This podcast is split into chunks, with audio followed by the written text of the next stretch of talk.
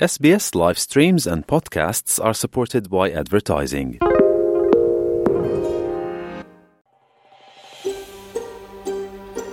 तपाईँ एसपिएस नेपालीको साथमा हुनुहुन्छ अरू रोचक सामग्रीहरूका लागि SBS dot com dot slash Nepali जानुहोस्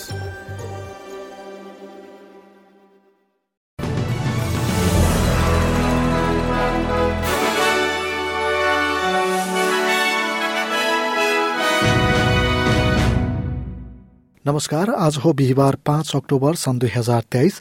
अब पालो भएको छ एसपीएस नेपालीमा आजका प्रमुख अस्ट्रेलियन समाचार छोटकरीमा सुन्ने।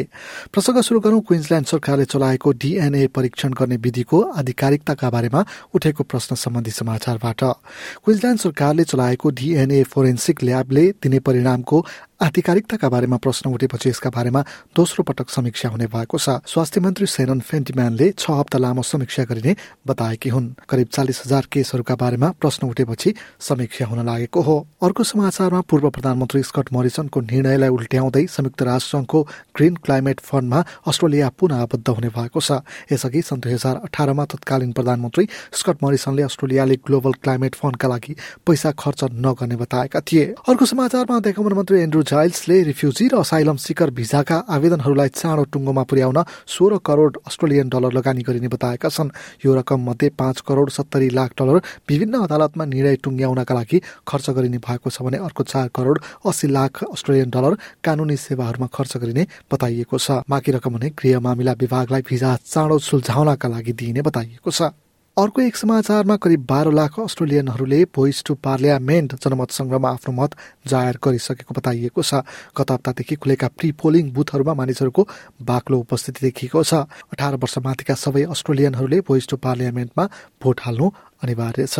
अर्को समाचारमा चाहिँ भिक्टोरियाको पूर्वी क्षेत्रमा बसोबास गर्ने हजारौं मानिसहरूलाई सुरक्षित स्थानतर्फ सर्नका लागि अधिकारीहरूले चेतावनी जारी गरेका छन्। जिप्सल्याण्ड क्षेत्रका एक सय तीस जति घरमा बाढीले प्रभाव पार्न सक्ने अधिकारीहरूले चेतावनी जारी गरेका हुन्। म्याकेलिस्टर नदी वरपर बस्ने मानिसहरू भने सुरक्षित स्थानमा सरिसकेका छन्। अब खेलकुद सम्बन्धी समाचार फुटबलमा हेलेरासो स्पेनिस क्लब रियल म्याड्रिडका लागि गोल गर्ने पहिलो अस्ट्रेलियन बनेका छन्। रियल बेटिसका विरुद्ध रियल म्याड्रिडले पाँच एक गोलको जित हासिल गरेको हो। हस्त यसका साथै आजको पछिल्लो एसपीएस समाचार यति नै। सुरक्षित रहनुहोस्। नमस्कार।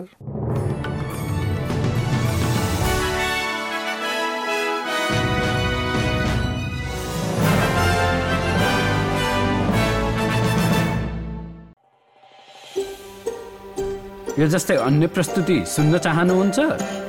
एप्पल पोडकास्ट गुगल पोडकास्ट स्पोटिफाईमा हामीलाई खोज्नुहोस् वा तपाईँले पोडकास्ट सुन्ने अन्य सेवामा।